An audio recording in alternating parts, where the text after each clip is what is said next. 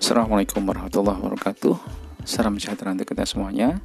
Ketemu lagi dengan Mas Fasil, fasilitator outbound. Uh, Saya akan uh, bercerita di podcast ini Hal-hal yang terkait dengan dunia outbound. Cerita-cerita yang menarik Cerita-cerita yang mungkin tidak pernah diceritakan Dan hal-hal yang terkait dengan segala aktivitas eh, teman-teman uh, yang mengambil profesi sebagai seorang fasilitator outbound. Oke, dengarkan sampai selesai.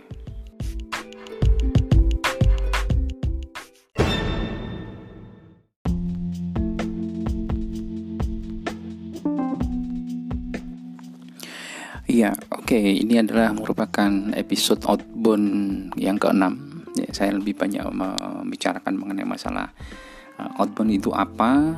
Yang saya ambilkan dari buku saya experience learning lebih seru daripada outbound. Ya, buku ini uh, sudah saya launching beberapa tahun yang lalu dan alhamdulillah sih bagus ininya uh, penjualannya. Dan saya akan cerita di salah satu bagian dari buku tersebut. Nah ini sudah sampai ke seri ke-6 sekarang. Mendefinisikan open itu apa, outbound itu apa dan sebagainya. Oke. Okay. Uh, eh, kalau kemarin saya lebih banyak bicara di outbound kelima itu adalah masalah menekuni profesi. Sekarang outbound yang keenam itu adalah outbound itu seperti melukis pemandangan. Outbound itu seperti menyelam di lautan. Ya, ini apa istilahnya itu? Maksudnya apa? Ya, teman-teman semuanya mungkin lebih banyak kalau kegiatan-kegiatan outbound itu kan di luar maksudnya di hotel, di resort bahkan ada yang katakanlah yang dari Jakarta kadang-kadang juga uh, mengikuti kegiatan outbound itu di kota lain misalnya di Yogyakarta kemudian di Bali, di Lombok dan sebagainya. Dan kegiatan itu biasanya apa namanya istilahnya itu uh, di satu tempat yang indah. Eh, makanya saya tuliskan itu adalah melukis pemandangan dan menyelam di lautan. Sebetulnya ini menarik karena saya mencoba memadukan definisi outbound. Di satu sisi adalah ada uh, proses belajar. Belajar itu adalah artinya bukan di kelas kayak gitu, bukan. Yang saya maksudkan belajar itu adalah open mind, membuka wawasan, membuka pikiran dan sebagainya. Kemudian di sisi lain itu adalah ada unsur uh, apa recreational ya, di dalam outbound atau experience learning itu ada empat ya dibaginya itu ada recreational education development sama terapeutik ya. Recreational itu unsurnya lebih dominan di change feeling dirasa kayak gitu. Sehingga kalau teman-teman melakukan kegiatan wisata tetapi dengan sentuhan outbound maka saya jamin deh pemaknaannya luar biasa. Yang dilihat tidak hanya laut biru tetapi kita bisa explore tentang eh, birunya laut, tentang lautan, tentang awan yang di atasnya. Kemudian kita bisa mengambil hikmahnya. Pikiran itu harus luas. Kita itu makhluk bukan holik. Nah, macam-macam seperti itu. Ya. Jadi sebetulnya terkait dengan hal seperti itu. Jadi kalau misalnya teman-teman melakukan wisata tetapi dengan sentuhan outbound sebetulnya akan banyak nanti akan diajak untuk menggali hal-hal yang kadang-kadang kita tidak sempat memikirkannya kayak gitu. Banyak sekali entah itu perjalanan. Kenapa perjalanan itu mulai dari awal ada akhirnya? Kenapa ada shelternya? Kemudian apa aja yang dilihat di dalam perjalanan? Apa aja yang dirasakan selama perjalanan dan macam-macam. Jadi itu sebetulnya penekanannya. Saya mengatakan atau mendefinisikan outbound itu adalah seperti melukis pemandangan atau seperti menyelam di lautan. Itu adalah kaitannya adalah sebuah keindahan. Sekali lagi bahwa tanpa hal itu makanya kegiatan belajar jadi tidak kurang uh, menjadi kurang menarik. Jadi ada unsur-unsur tambahannya dan itu membuat uh, teman-teman jadi bisa lebih mudah untuk menangkap pesan dari belajar itu. Oke, okay, selanjutnya apa ini? Ya, Oke, okay, kita lanjutkan ya sebentar lagi.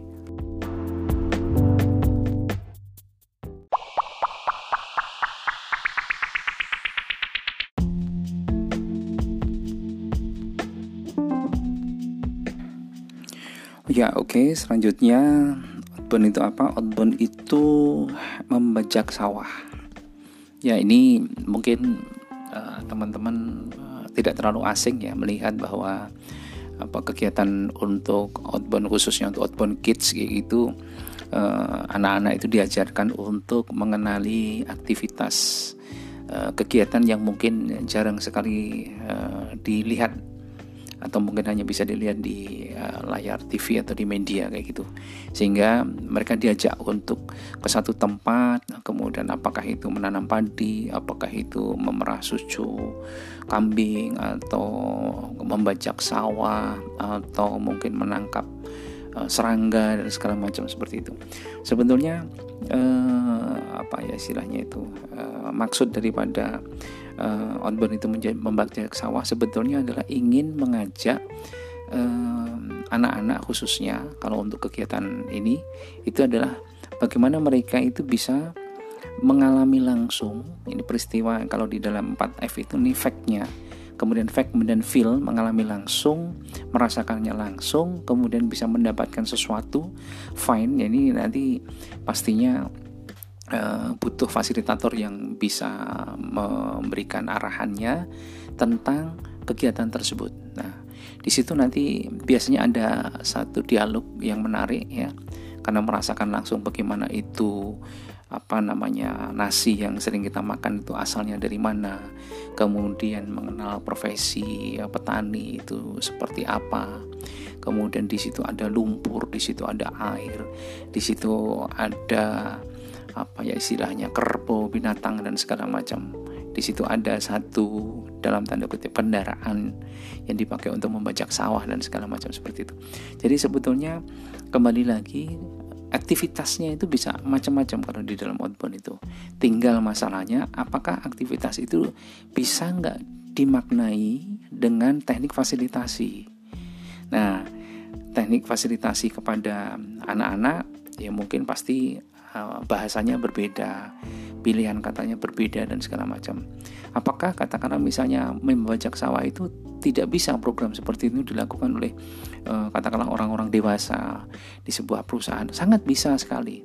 Karena nanti uh, kalau aktivitasnya bisa sama aja gitu, tetapi nanti di dalam proses fasilitasi itulah yang nanti berbeda.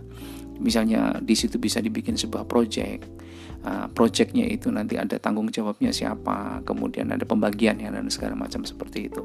Jadi itu bisa juga dilakukan. Kayak gitu tinggal masalahnya yang membedakan adalah tadi di uh, fasilitasi sampai nanti kalau di dalam program yang sifatnya development itu ada proses refleksinya.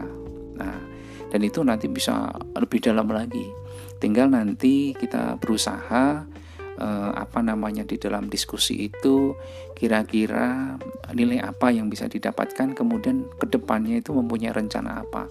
Itu masuk menyangkut ke empat F yang keempat itu future-nya itu seperti apa. Jadi seperti itu. Ya kembali lagi bahwa dengan kegiatan-kegiatan yang dilakukan itu sebetulnya bisa menjadi semacam alat atau menjadi semacam sarana untuk bisa mendapatkan satu pemahaman untuk mendapatkan satu nilai di mana nilai itu nantinya bisa diterapkan di kehidupan di dalam tempat kerja dan sebagainya. Jadi itu maknanya. Oke selanjutnya apa? Ya, selanjutnya kita dengarkan apa yang lebih menarik lagi nih sepertinya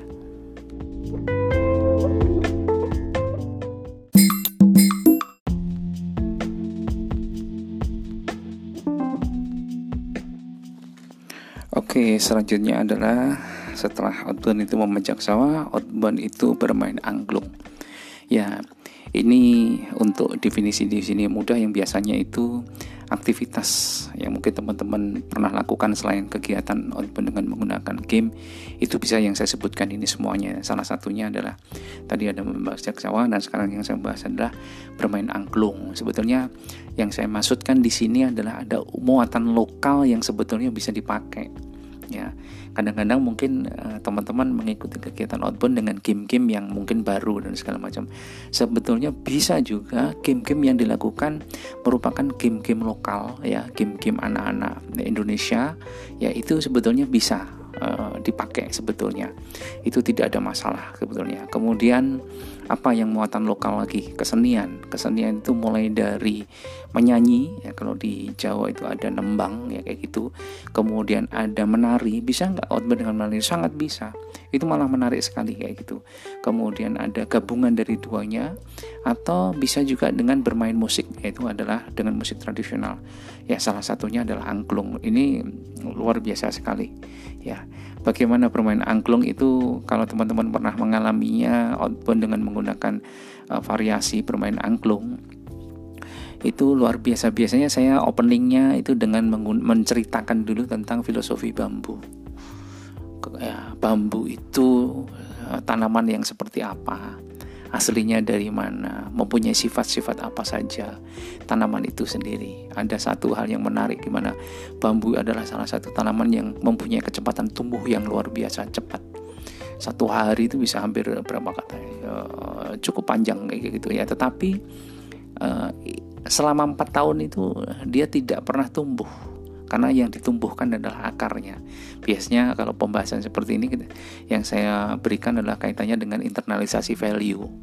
Nah, setelah akar kuat itu baru tumbuh ke atas seperti itu. Itu jadi kaitannya dengan bambu, kaitannya dengan filosofi bambu, kemudian baru masuk tentang filosofi angklung itu sendiri. Kenapa angklung itu ada dua belahan kayak gitu, yang ada yang pendek, ada yang panjang ya. Kemudian tentang suaranya, apakah dan itu penggunaannya bisa macam-macam, tidak hanya untuk musik saja, bahkan bisa dipakai untuk terapi. Bagaimana digunakan kalau untuk terapi dan sebagainya. Belum kemudian habis itu masuk ke sesi apa namanya istilahnya musiknya sendiri. Jadi ada solmisasinya, kemudian ada konduktornya, kemudian memainkannya. Memainkannya uh, musik itu secara bersama-sama dan kemudian setelah itu mendengarkan suaranya. Banyak sekali sebetulnya. Jadi kembali lagi sebetulnya kalau saya katakan bahwa outbound itu adalah bermain angklung uh, pada prinsipnya adalah outbound itu tidak harus dilakukan dengan menggunakan game-game yang sifatnya adalah baru permainan baru tidak tidak harus dengan menggunakan game tapi bisa juga dengan aktivitas aktivitasnya banyak sekali nanti mungkin masih ada itu bermain angklung bermain sepeda memasak kemudian uh, apa namanya itu jalan-jalan, memotret, kemudian membuat film pendek dan macam-macam semuanya. Jadi prinsipnya adalah itu. Oke, jadi teman-teman semuanya, mudah-mudahan bermanfaat. Saya uh, coba untuk memperluas wawasan saja, berbagi cerita dan pengalaman. Mudah-mudahan jadi lebih mudah teman-teman menangkap. Oh iya ya, ternyata kegiatan outbound itu cukup luas ya. Bahkan di dalam kehidupan sehari-hari pun itu bisa kita lakukan uh, diri kita sendiri. Karena prinsipnya itu adalah nanti akan saya bahas khusus ya itu itu adalah apakah kegiatannya faktanya kemudian bagaimana kita merasakannya. Ya ini didalamin lagi kemudian yang ketiga adalah bagaimana kita menemukan maknanya. Dan yang terakhir setelah itu baru kita menerapkannya di dalam kehidupan nyata dan masa depan. Ya 4F yaitu fact kemudian feel, kemudian find, dan kemudian future. Jadi seperti itu. Oke teman-teman semuanya, terima kasih. Mudah-mudahan bermanfaat. Semoga semoga teman-teman semuanya sehat, terus berkarya dan bisa karya kita itu bisa bermanfaat untuk orang banyak. Tetap jaga kesehatan ya. Oke, matur nuwun. Terima kasih. Assalamualaikum warahmatullahi wabarakatuh.